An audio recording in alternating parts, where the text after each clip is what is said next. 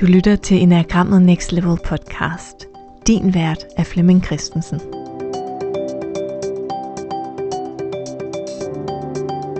Velkommen til den her episode i podcasten Enagrammet Next Level.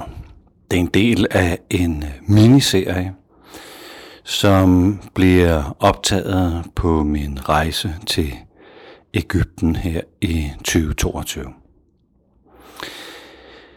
I går gik øh, rejsen til Giza-plateauet, hvor vi lige øh, genbesøgte øh, Sfinksen og blev introduceret til de tre mest kendte pyramider.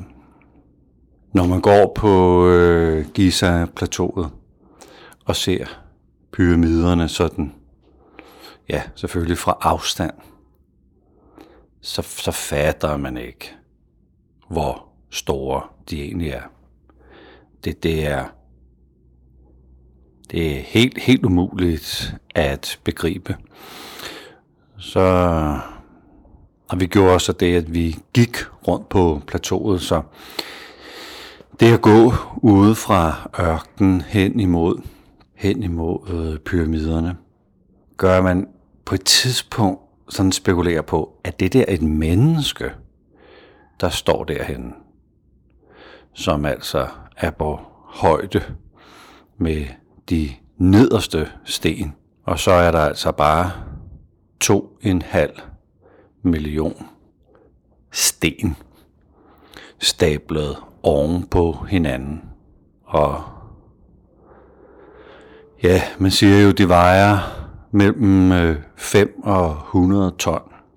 Og man kigger udenpå og tænker, jamen det er jo sådan set også lagt ret mange sten indeni.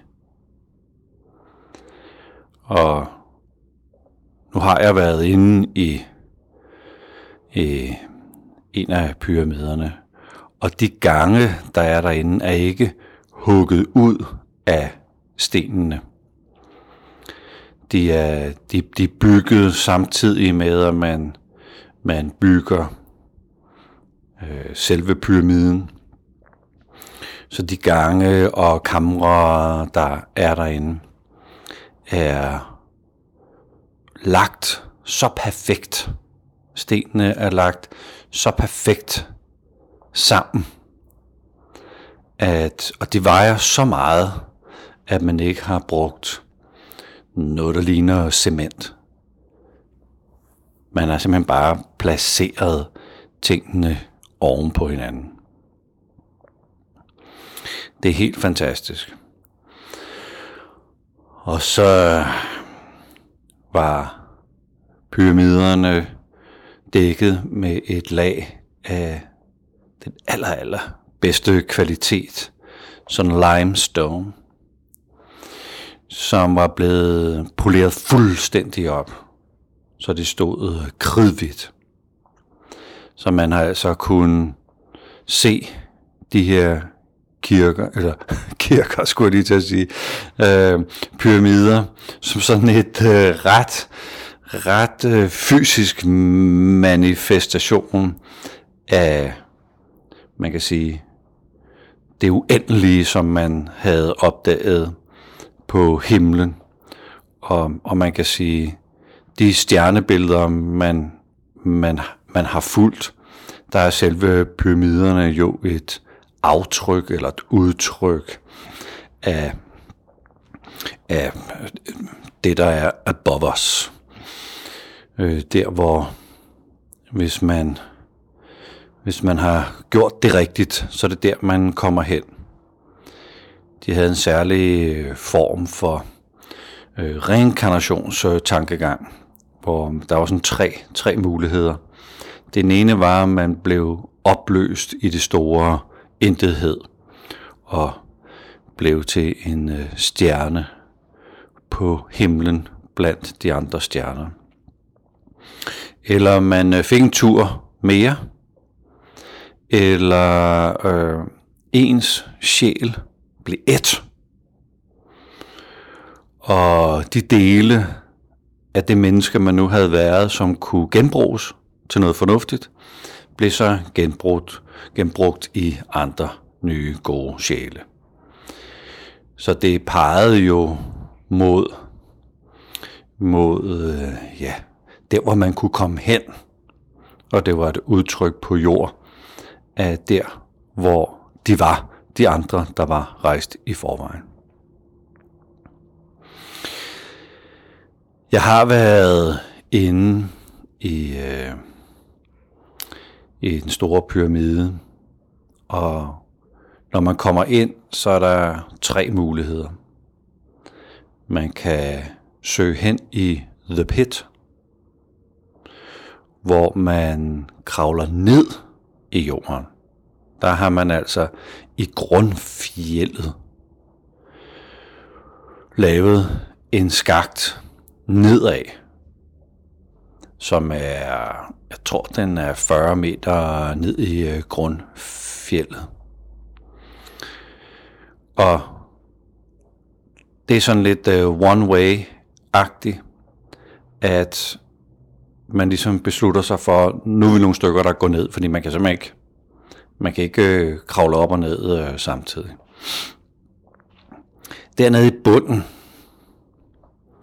skal man øh, kravle som et dyr på alle fire i det sand, der er dernede. Hen til et kammer, hvor man øh, lige kan sidde oprejst. Jeg har ikke ture gå ned, og det er ture, jeg, jeg, jeg aner simpelthen ikke, hvordan jeg ville reagere nede i jorden. Øh, one way. Nogle gange tænker jeg på, om det ville være bedre at være alene fordi det, der egentlig er panikken for mig, det er, hvis der var nogen, der gik i panik, og lige pludselig sådan skulle, skulle den anden vej, og det, det kan man ikke.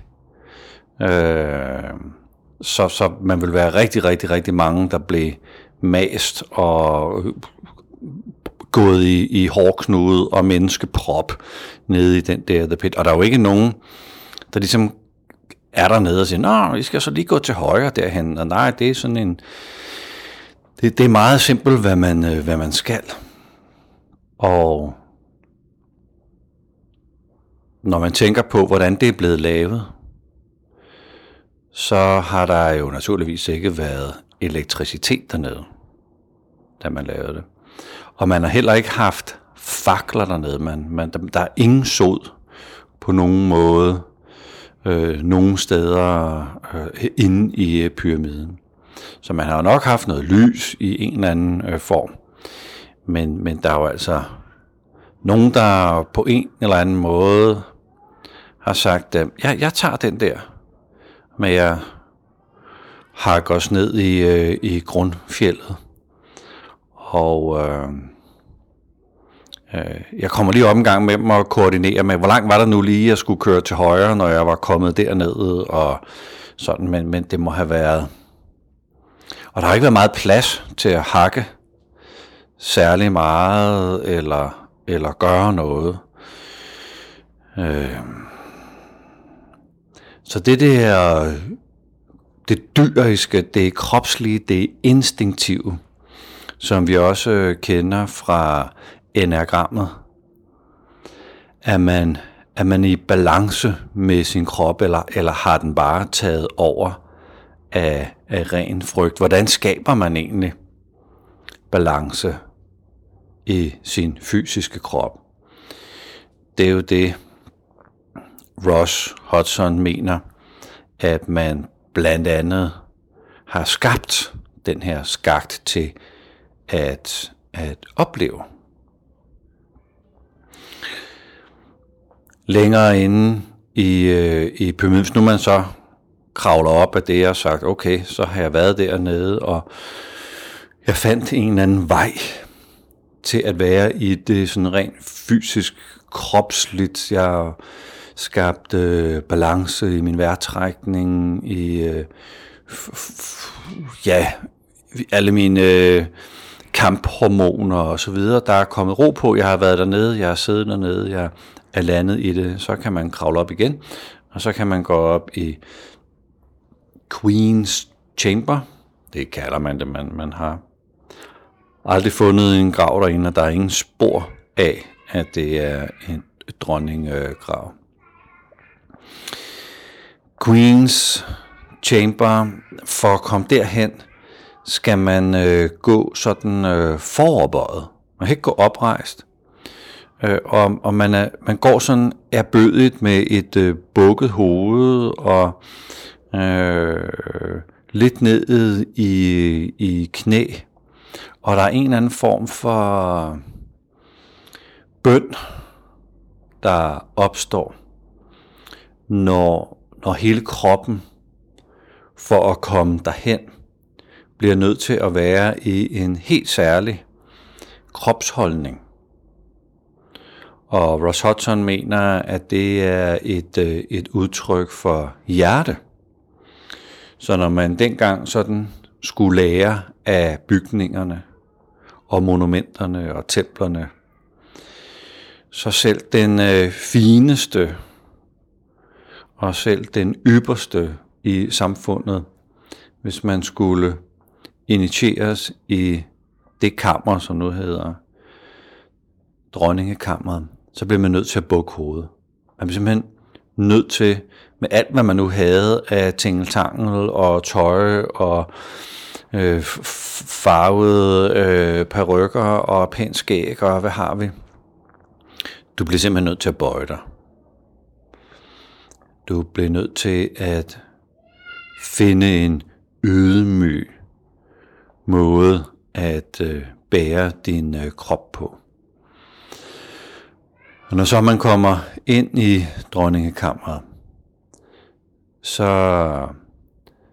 man kan sige, pladsen gør, at, at man er tvunget til at være i sådan en, øh, en mindre en mindre udgave af sig selv. Man kan selvfølgelig sætte sig på huk, eller man kan være foroverbøjet, men, men der er noget ydmyghed.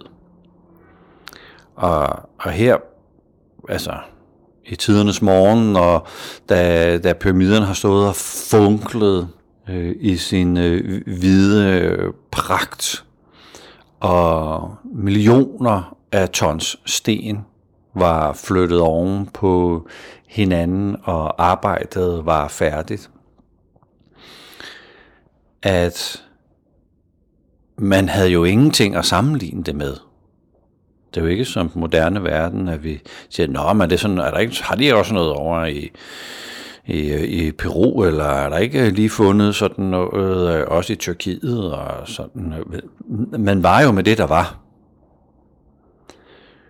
Så det at tage, tage det for givet, at man oplever noget i the pit, og tage det for givet, at man er i en helt unik oplevelse, når man kommer i dronningekammeret. Ross Hudson mener, at, at det, har, det har gjort noget. Altså det har været en slags mesterlærer uden en person, der har fortalt, fordi man, man, man har simpelthen oplevet krop og hjerte. Det hvor jeg så har været en del, kan man sige. Det er ikke sådan, jeg har været der mange gange eller flere dage, men, men jeg har været i, i kongekammeret, hvor man, øh, der er man oprejst.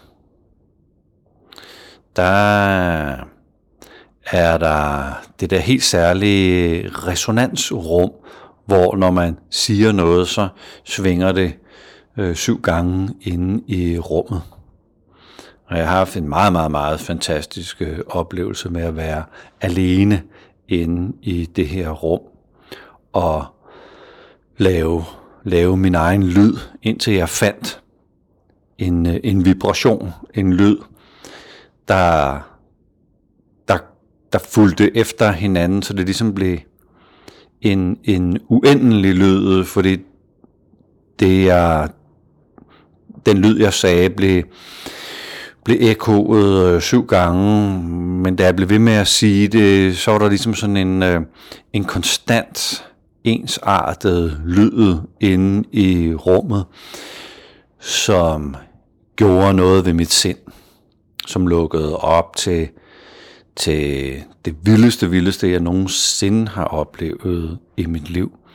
Det at kunne se noget og ja, med min oplevelse sådan bevæge mig gennem tid og rum. At, øh, at, at det, det vi ser, det er ikke det vi ser. Som om at de der millioner af tons ovenover mig, rundt om mig, og, og lyden på en eller anden måde gav adgang til at bruge mit, mit sind på en, på en helt ny måde, jeg aldrig har oplevet før. Så, så nu er jeg i hvert fald overbevist om det, Ross Hudson har påstået, at det er så en oplevelse af, hvad hovedet, hvad vores sind, vores mind, vores bevidsthed er i stand til, når det er i balance. Så det er, de er kæmpe, kæmpe øh, bygninger har formodentlig haft sådan et øh, uddannelsesmæssigt formål, at, at man kunne få en helt, helt unik øh, bestemt øh, oplevelse.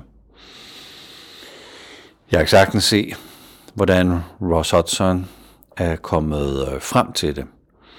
Og Gurdjieff, som jo har banet vejen for enagrammet, var netop i Ægypten mange år, og har haft de her oplevelser og lagt dem til grund til hans måde at arbejde, i det her tilfælde med de tre centre på, med kroppen og hjertet og hovedet. Når man tænker på pyramiderne, så er det jo et, et, et abnormt øh, stykke arbejde.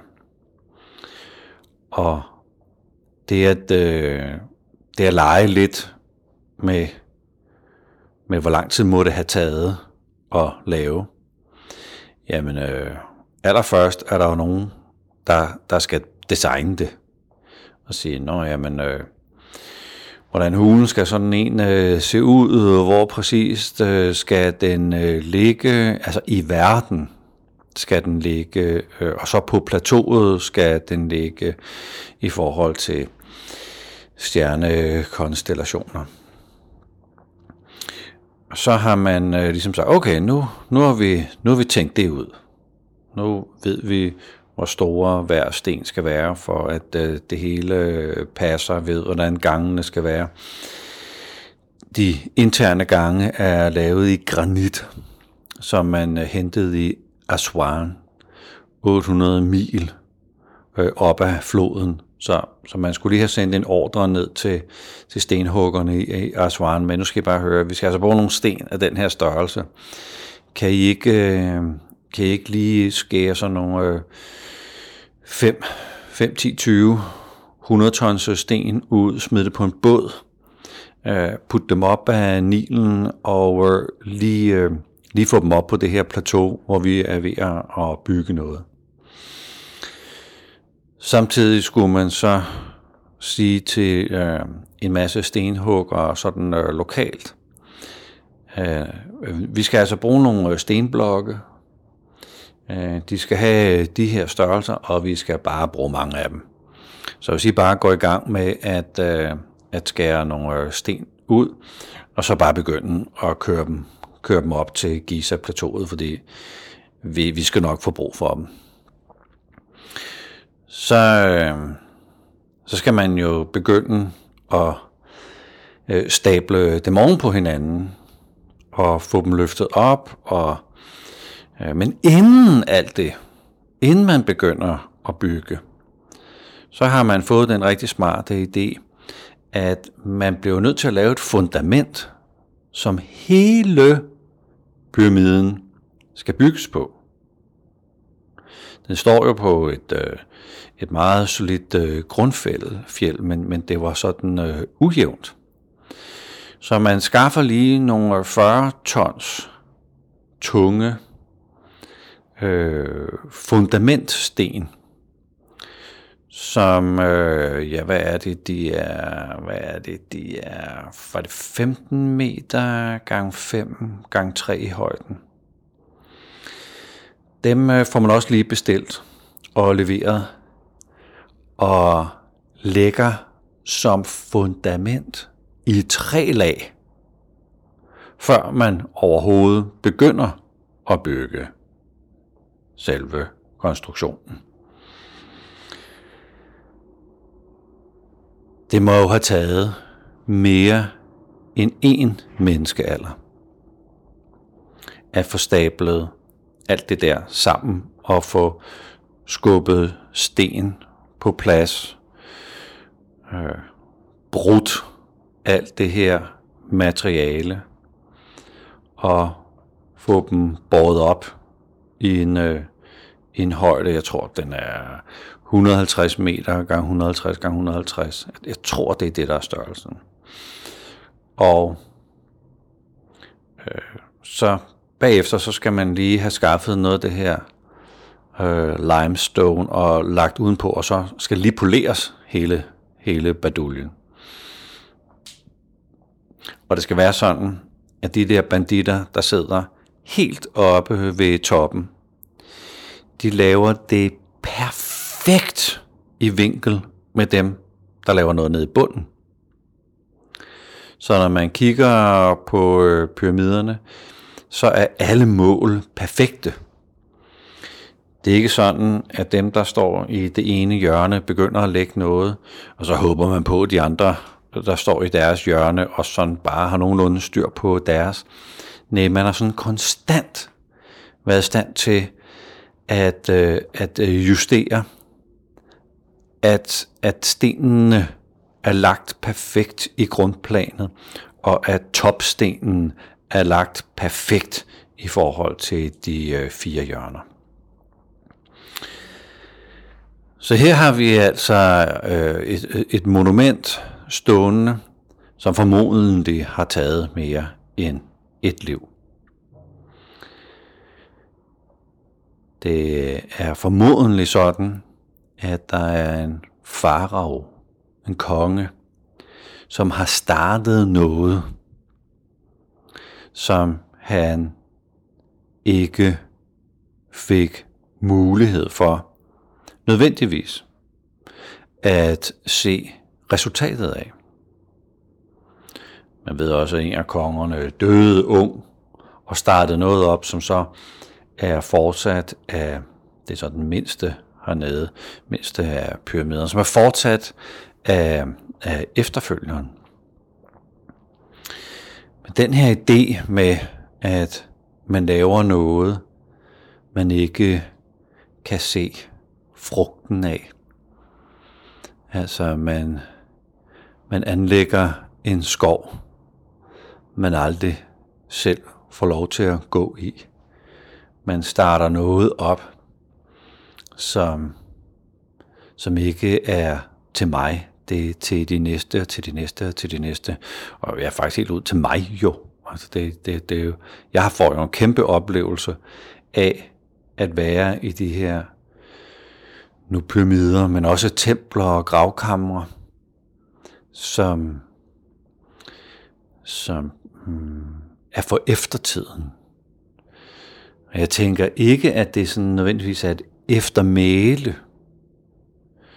Jeg tror, at der er noget læring. Det er det, jeg oplever alle steder, jeg kommer til de, de store templer hernede. Der er noget læring, der er lagt ind i bygningerne. Og det var også det, Ross Hudson sådan guider os til at se, om vi kan få øje på.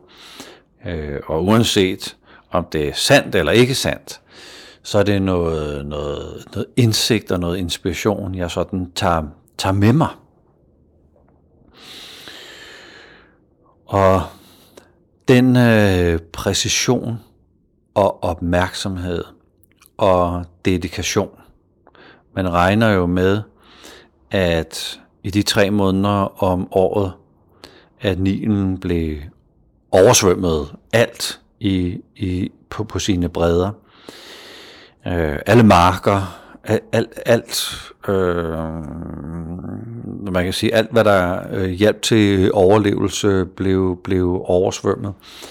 Og der blev så af de her oversvømmelser øh, lavet nogle aflejringer, som næste sæson øh, afgrøder så kunne gro i. Altså, det var jo en, en fantastisk sådan øh, rytme, hvor, hvor der kom, kom øh, øh, øh næringsstoffer øh, op på bredderne, som man så øh, mm, øh, plantede sine afgrøder i og, og, og levede af. Men i de tre måneder er der en teori om, at det var der, man, øh, man arbejdede på øh, byggerierne, og at man så på den måde fik, øh, fik noget at spise og husly i de tre måneder om året, hvor man ikke kunne skal sige, ernære sig selv. Så hvis nu det er rigtigt, så kunne man godt forestille sig, at byggerierne er bygget på grund af lyst eller dedikation. Ikke nødvendigvis til farraven, og ikke nødvendigvis øh, gjort ud af frygt, men fordi man var med til at lave noget ekstraordinært.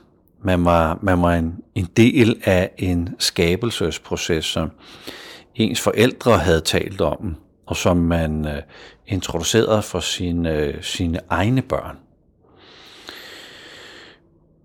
Så det her med, at vi er en del af at øh, bygge noget, som mine forældre har givet mig, som jeg giver videre, og hvor i der er noget, noget indsigt, bare i at være i nærheden af de her kæmpemæssige konstruktioner.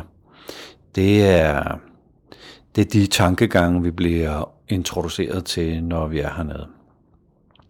Jeg kan godt lide tankegang. Jeg har jo ingen idé om, om, øh, om, om, om de skal følges øh, øh, helt eller halvt. Men, men jeg kan godt lide at, at gå på plateauet og tænke, der er simpelthen nogle gutter, der har fået en crazy idé. Og at den klippeblok eller, eller limestone blok, jeg går ovenpå, som er kæmpe, kæmpe stor, som er en del af fundamentet. Der er altså nogen, der har bakset rundt med at få den til at ligge der. Altså, det, øh, der, der er nogle andre mennesker, der har dedikeret sig til, at jeg kan få en øh, gigantisk oplevelse ved at, ved at være der. Hvis nu det er, det er lidt anden metafor på arbejdet med os selv gennem noget dedikeret, engageret arbejde, så, så laver vi noget personlig udvikling, som, ja, det er jo selvfølgelig til gavn for os selv på en eller anden måde, men det er faktisk til gavn for næste generation og næste generation og næste generation. Så tusind tak, fordi du øh, lyttede med til den her lidt øh, dagbogsagtige øh, refleksion på min øh, rejse til Ægypten. Og nu er der sørger nogen, der vil have kontakt til mig her på mit øh, værelse. Så tak fordi du lyttede med.